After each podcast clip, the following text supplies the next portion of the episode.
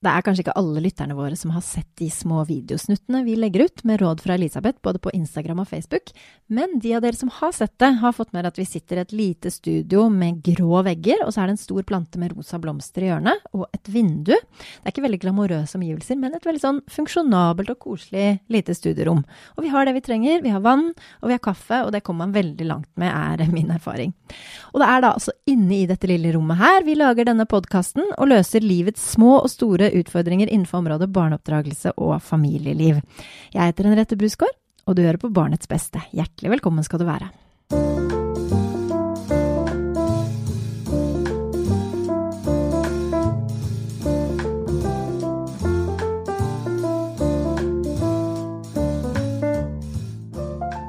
Og den som gjør at jeg titt og ofte lytter til egen podkast i hverdagen når jeg lurer på noe, det er deg, spesialist i barne- og ungdomspsykologi, Elisabeth Gerhardsen. Og hvordan er det med deg, Elisabeth? Hender det at du tar imot råd fra dine egne f.eks. bøker eller podkaster? Ja, det er noen ganger litt langt mellom liv og lære, syns jeg selv. Slik at jeg syns jo noen ganger at jeg tenker sånn, hva ville jeg gitt av råd selv nå? Og, ja, har du noen gang slått opp i boka di, f.eks.? Ja, altså det som har gjort det litt enkelt for meg, er at jeg har jo da skrevet disse bøkene etter at mine barn ble store. Men jeg, når jeg nå har barnebarn, så ender det at jeg slår opp annet i boka om søskenforhold for å tenke litt hva var det jeg egentlig mener at man burde gjort her. Ikke sant? For når det er kampens hete, så er det ikke alltid de kloke rådene som står først fram. Nei, det er noe med det. Skal vi gyve løs på første spørsmål, eller? Vi gjør det.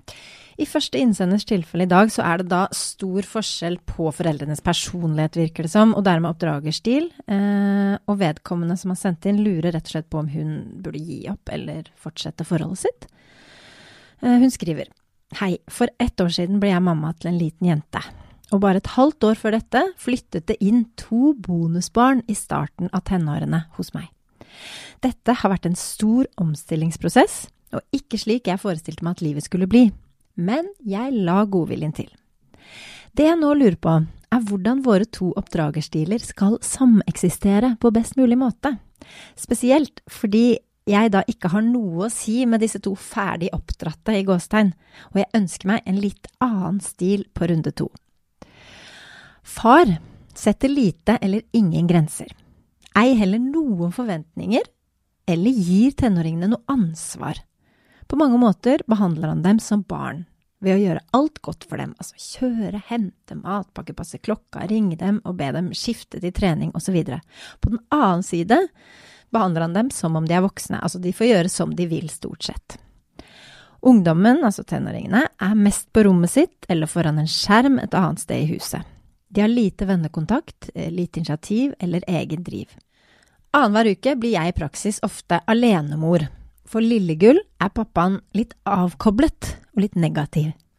Jeg mener alle hjem trenger rammer, og jeg er konsekvent. Jeg er til stede, jeg synger, jeg har humor og er kommunikativ. Sammen har vi en husholdning hvor det er jeg som lager maten, tar ansvar for ettåringen og klesvasken. Han tar søpla, en del oppvask og snekring. Husvasken kommer i siste rekke, og den skal vi nå outsource. Vi har også et felles oppdragerprosjekt som nå står for meg som en kilde til uro. Det er lettere å gjøre det selv-mentalitet styrer nå livet mitt. Jeg har forsøkt å snakke Vi har forsøkt å snakke sammen, men det viser seg å være svært vanskelig da han blir en østers. Jeg bruker derfor all min energi på det sikreste kortet jeg vet om, som er å være en god rollemodell i forhold til minstejenta. Dette fungerer bedre enn andre ting jeg har prøvd. Jeg blir sliten av å bo i et kollektiv hvor alle gjør som de vil, og jeg går i overlevelsesmodus. Hvordan skal jeg få overskudd til å være den mammaen jeg vil være i dette huset?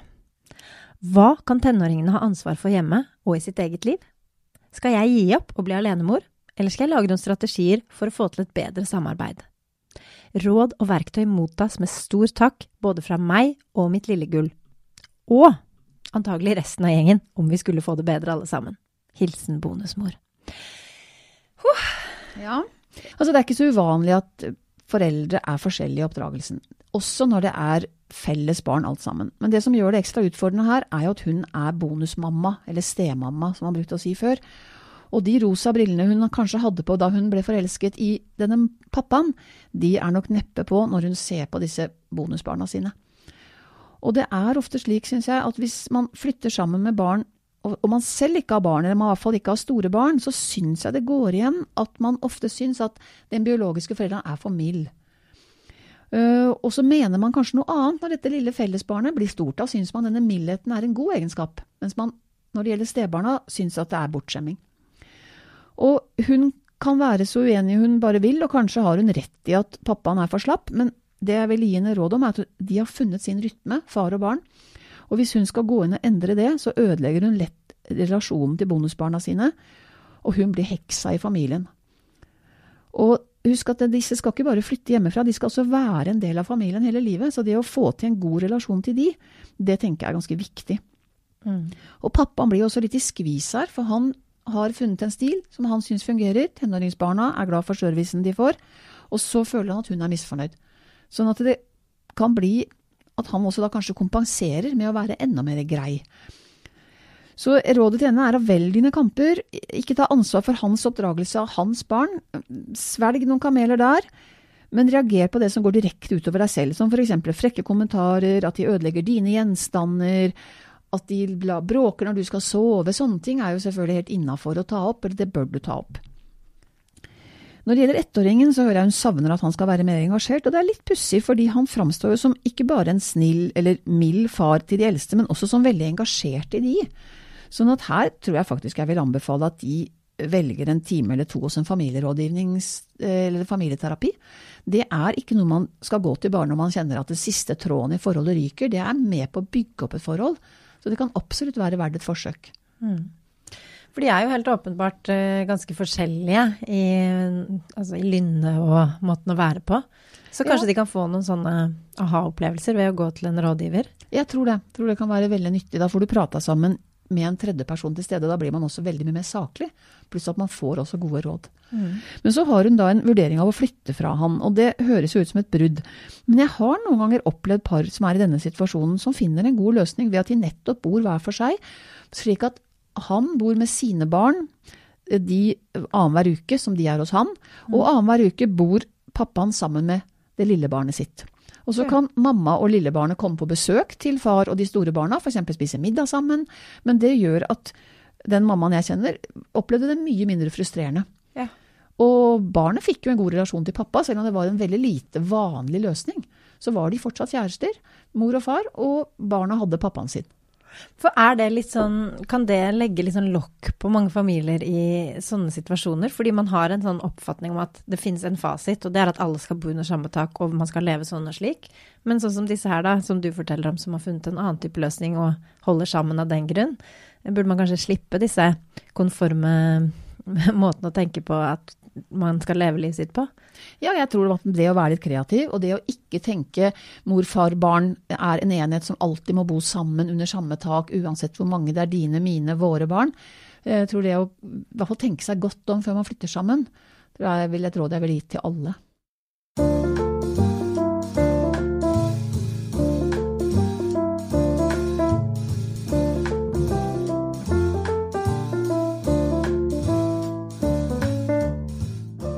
Det er en som skriver Hei, vi har en sønn på tre år som vi kan oppleve som litt sensitiv i forhold til forskjellige ting. Han er ofte redd for å prøve nye ting, men òg ting han har prøvd før som han har likt kjempegodt. For eksempel bading. I sommer så ville han ikke ut i bassenget. Men når vi først fikk han i vannet, hadde han det kjempegøy og hylskrek da han måtte opp fordi han ville bade mer. Det samme skjedde hver dag hele ferien. Problemet vi har fått nå, er at han har gått fra småbarnsavdeling til storbarns- eller blandet avdeling, og de første ukene fikk vi bare beskjed om å gå da vi leverte han. Han sprang inn og kom fort inn i leken med de andre.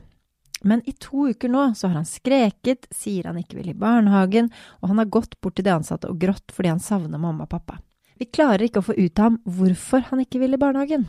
Det er tre barn fra hans gamle avdeling som er sammen eh, nå på denne nye storbarnsavdelingen, og en ansatt fra gamleavdelingen har blitt med over på ny avdeling, så han har gode forutsetninger for å føle seg trygg. Det er også hatt mye kontakt mellom avdelingene lenge for å gjøre overgangen så smertefri som mulig. Lillebroren på ett år har begynt på hans gamle avdeling, og det er litt rart, men samtidig er det veldig stas for dem å møtes ute. Har dere tips til hva vi skal gjøre i denne situasjonen? Hvordan finne ut hvorfor han ikke vil i barnehagen? Takke for svar. Hilsen bekymrede foreldre. En treåring som vegrer seg litt for å prøve nye ting. Veldig følsom og sensitiv og ganske redd. Hva tenker du om det, Elisabeth? Altså Barn er ulike hvor vegrende de er for å prøve nye ting. Noen barn hopper ut i alt, bokstavelig talt. Andre er veldig engstelige. Så, men det som jeg syns er bra her, er at foreldrene sørger for at han får oppleve det de vet blir gøy. At ikke de bare lar han bestemme at nei, han skal ikke ut i dette bassenget hele sommeren. Fordi at barn som er sånn vegrende og litt engstelige av seg, trenger å lære at ting kan bli bra, selv om du må ha en liten dytt i ryggen. Så for Det er en balanse mellom det å oppmuntre, det å kanskje også gi et mildt press, og det å bli oppgitt selv.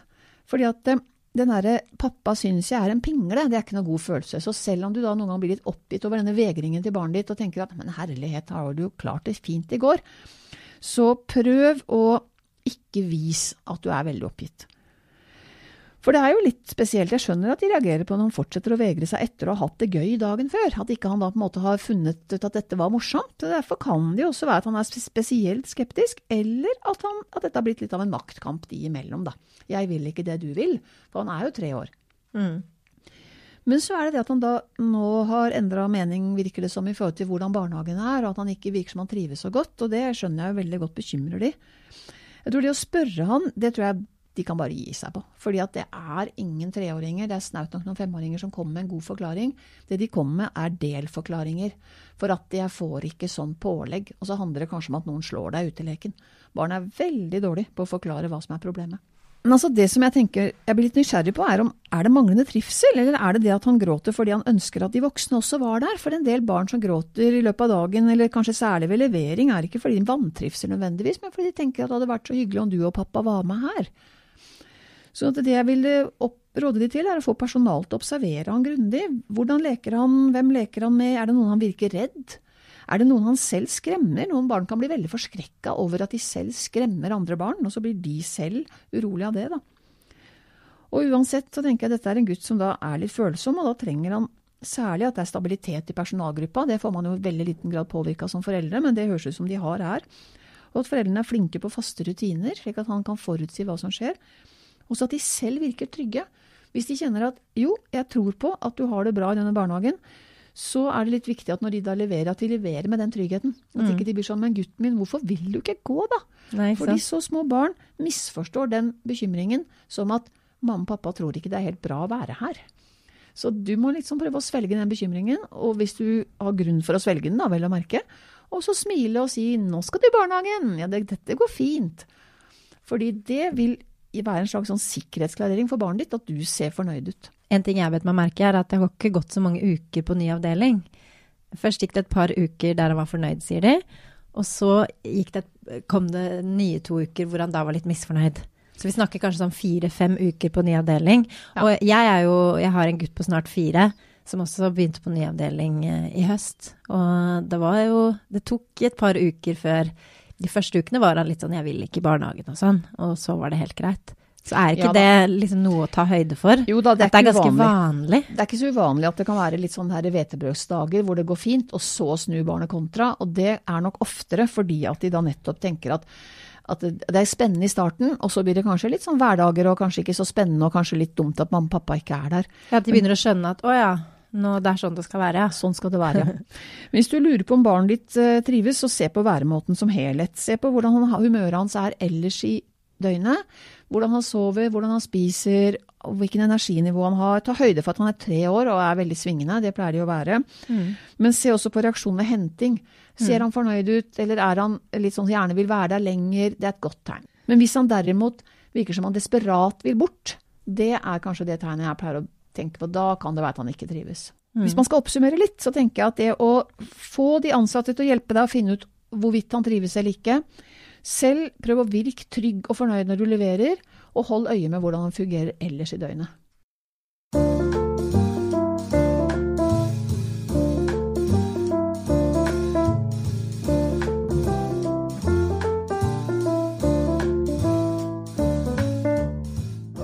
Bærekraft er viktig for vår sponsor Polern og Pyre. Og på deres hjemmeside så har de faktisk en egen reparasjonsguide som lærer deg hvordan du skal reparere klærne dersom leken skulle gå litt hardt for seg, f.eks. Og jeg syns det er veldig kult at Polaren også har som mål å være det mest søkte klesmerket på gjenbruksnettsider rundt om i landet. Det er virkelig noe å heie på. Og som vanlig så presenterer Polaren og Pyre nå Barn om barnets beste. Og det er jo ikke et veldig bærekraftig spørsmål vi har stilt barna denne gangen. Vi lurer nemlig på hvor mye penger skal man bruke på gaver til barn? Jeg syns, jeg synes 150-200. Eller hvis det er sånn bursdagsgave og julegave, så syns jeg det. Fordi man kan jo ikke liksom gi noe som 50-100 kroner, for det kan jo bare bli en sånn liten spørsmål. Hvis øh, mamma skulle kjøpt noe til meg, så had, ville jeg at hun skulle ha kjøpt noe øh, under 100. Jeg ønsker meg Lego. Under 100 kroner kan man få øh, en bok. Om man vil fargeblyanter. Det er dumt å bruke for mye penger på en leke til f.eks. barnet ditt, fordi til slutt så kommer det kanskje til å bli rot ute i stua eller inne på rommet, og så kommer man aldri til å bruke det igjen og bare la det ligge der. Ja, jeg er ganske enig. Mm, tusen? Ja, Elisabeth, er det nødvendig å bruke mange tusen kroner på gave til en treåring? Nei, det skal vel egentlig ikke være nødvendig. Og når det gjelder f.eks. sånn barneselskaper som barn blir bedt i, så må man huske på at det kanskje blir barn ditt bedt i 15 selskaper, bursdagsselskaper, i løpet av et år. Og har du flere barn, så blir det fort veldig mye penger. Og så har du venner og venners barn og slekt osv. Så, videre. Så når det gjelder sånn barneselskaper, så vil jeg anbefale at man blir litt enig seg imellom.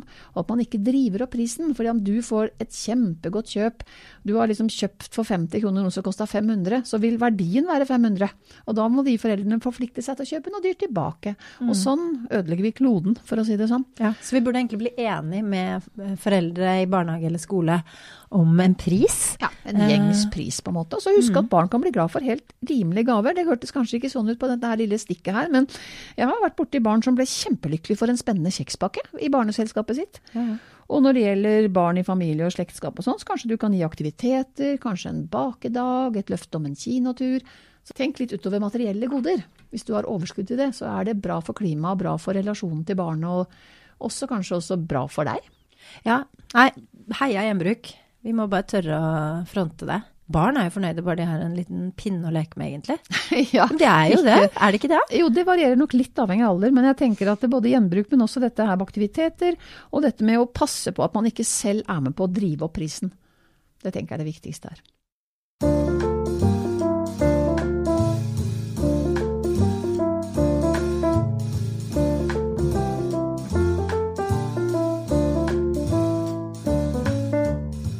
Vi har fått inn et spørsmål som eh, jeg vil betrakte som litt uvanlig.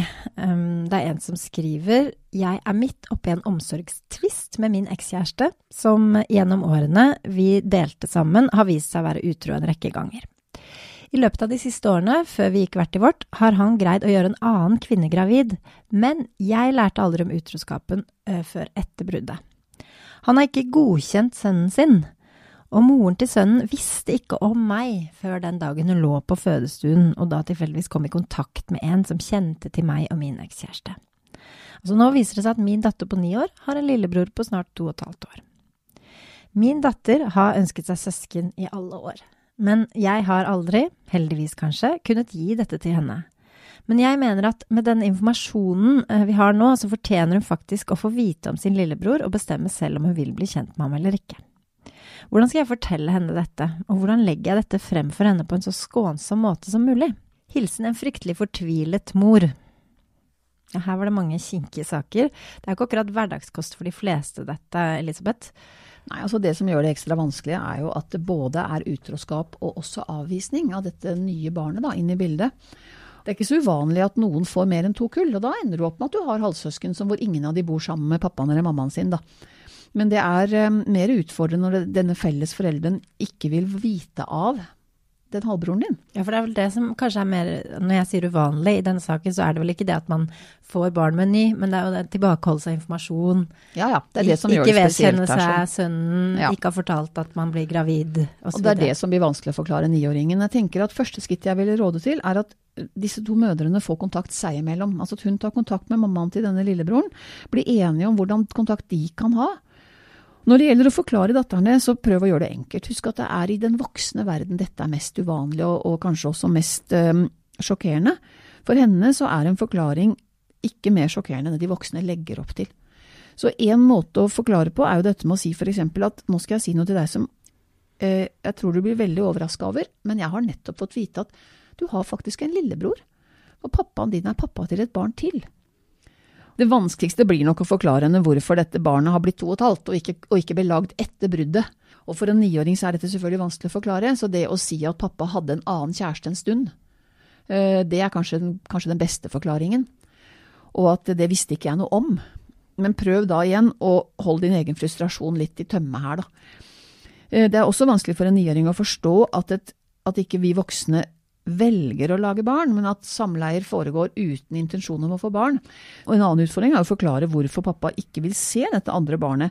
Og Det er kanskje ikke lett å finne en forklaring, men noen ganger kan man kanskje si noen ting om at uh, at det vet jeg faktisk ikke, hvorfor pappa ikke vil møte lillebror.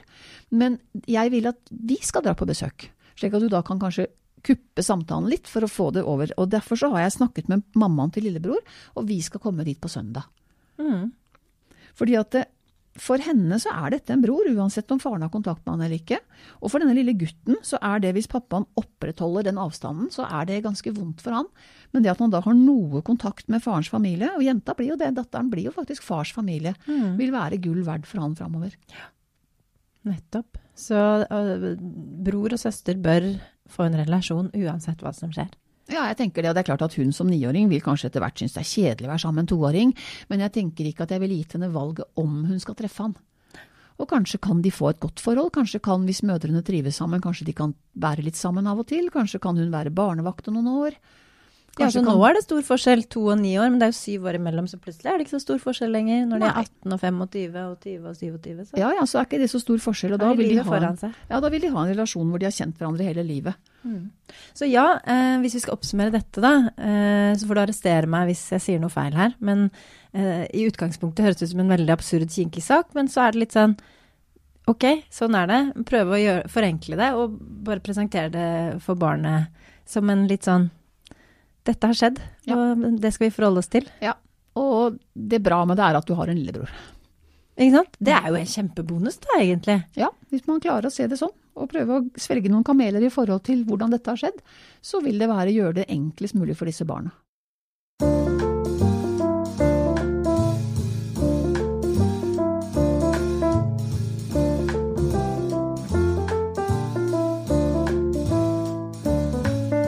Vi var eh, tidligere i podkasten innom en eh, ganske følsom eh, treåring. Nå skal vi til det motsatte, egentlig. Det er en, en fireåring som jeg vil kalle litt overmodig. En fireåring som er veldig glad i å stikke av. Mm. Det er en som skriver 'Jeg har en datter på fire som da er veldig glad i å stikke av'. Dette kan skje i nabolaget, ved trafikkerte veier, på kjøpesenteret, ved barnehagen osv.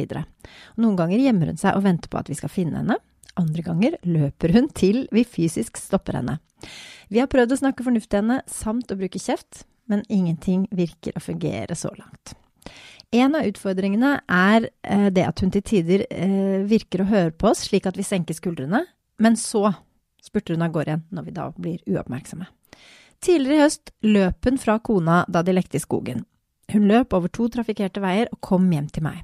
Da jeg spurte hvor kona var, sa min datter at hun hadde falt og var død i skogen, og dette sa hun med et stort smil. Rett etter kom kona hjem og var rimelig fortvilet og sint. Hennes lillebror på to år har også begynt å ta etter henne, noe som gjør at det er ekstra utfordrende for oss. Slik det er nå, tør vi nesten ikke dra ut alene med begge ungene. Har dere noen råd? Hilsen pappa. Ja, altså det Fireåringer mangler jo gjennomgående dømmekraft i forhold til å forstå hva som er farlig, men som regel så blir det kompensert for ved at de er engstelige for å bli, komme seg for langt vekk fra foreldrene, og kanskje litt skvetten av seg. Og her høres det ut som hun mangler den siste biten. Så hun har bare den manglende dømmekraften, hun. Og det lever hun på en måte godt med, men det er veldig, god, godt, veldig forståelig at foreldrene da blir veldig bekymra og må beskytte henne. Så de er jo på en måte i en skvis mellom å balansere det å realitetsorientere henne versus det å skremme for mye. Jeg, De har prøvd å forklare, men jeg tror jeg vil foreslå at de går noen runder til. Og også ikke bare si sånn som at bilene kan kjøre på deg, men gå i detaljer. Biler kan kjøre på barn selv om de ikke vil. Biler har ikke lov å kjøre på barn, men noen ganger kan de gjøre det. Og gjerne, hvis du har konkrete eksempler, kjenner dere noen som helst personer som har vært utsatt for en trafikkulykke, så går det an å si du vet at du vet oss da i barnehagen. Mammaen hennes, hun ble kjørt på av en bil da hun var liten. For da er det plutselig ikke bare en sånn eh, Det skjer jo aldri, da. Men at det er reelt. Mm. Og så er det jo også dette man er bekymra for når det gjelder det å stikke av, er jo at barnet skal rett og slett eh, møte på feil person. Mm. Så det også å si til fireåringer det finnes voksne som ikke er snille. Eh, Så det er jeg redd for at du kan møte på hvis du løper fra meg. Og så tenker jeg også at her er det litt sånn viktig at hun får direkte konsekvenser. eh, På den måten, hvis ikke dette her med å forklare bite på, noe jeg tror vil ta litt tid, så det å leie henne. Altså leie henne også når hun ikke vil bli leiet selv hun protesterer, og si at det må jeg fordi at jeg vil ikke miste deg. Um, Framstill det som noe positivt, istedenfor å si jeg må holde deg fast fordi du ikke hører på meg, men så si at jeg, må, jeg vil ikke miste deg, det kan være farlig, derfor må jeg leie deg. Og så vil hun da kanskje love bot og bedring, og så si ok, da skal du få gå, men da hvis det skjer at du løper nå, så får du ikke være med i butikken neste gang, eksempel. Og da må du holde på det, det kan også være en grei konsekvens når hun da neste gang dere skal noe sted, sier at vet du hva, du må være hjemme sammen med mamma, fordi nå tar jeg med lillebror, fordi at jeg vil ikke at du skal bli kjørt på av en bil, og derfor så tar jeg bare med lillebror. Mm. Slik at hun får en opplevelse av at det å stikke av ikke bare er en festlig lek, men at det får negative konsekvenser for henne selv.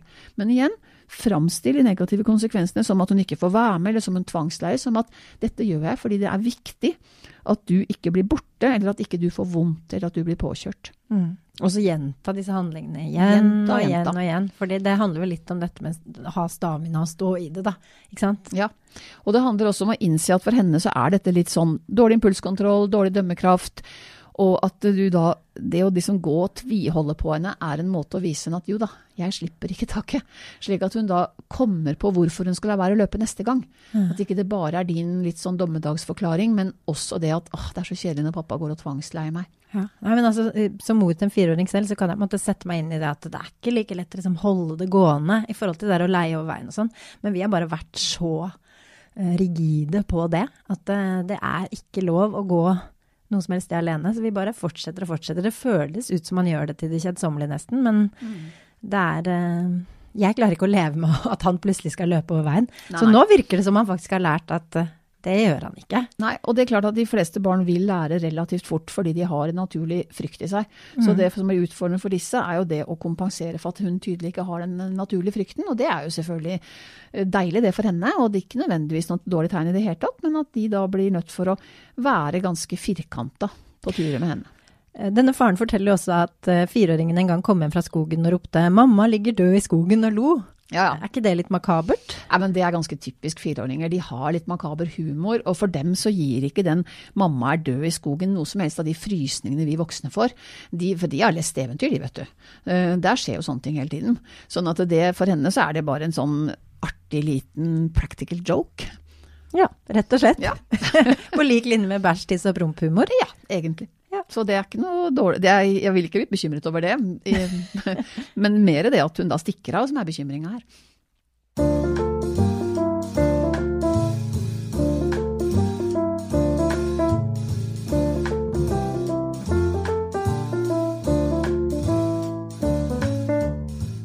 Da er vi ved veis ende, nok en gang. Og jeg har jo minnet dere på det før, men en podkast trenger anbefalinger og hyggelige kommentarer. Så hvis dere liker det dere hører, skriv eller trykk på en stjerne eller noe lignende. Det setter vi stor pris på. Sånn at flere får, eh, får ørene opp for podkasten. Ja, slik at folk får vite om det. Ikke sant? Og fortsett å sende inn spørsmål. Ja, gjør det. Masse bra spørsmål. Takk for oss. Takk for i dag. Produsert av Flink pike.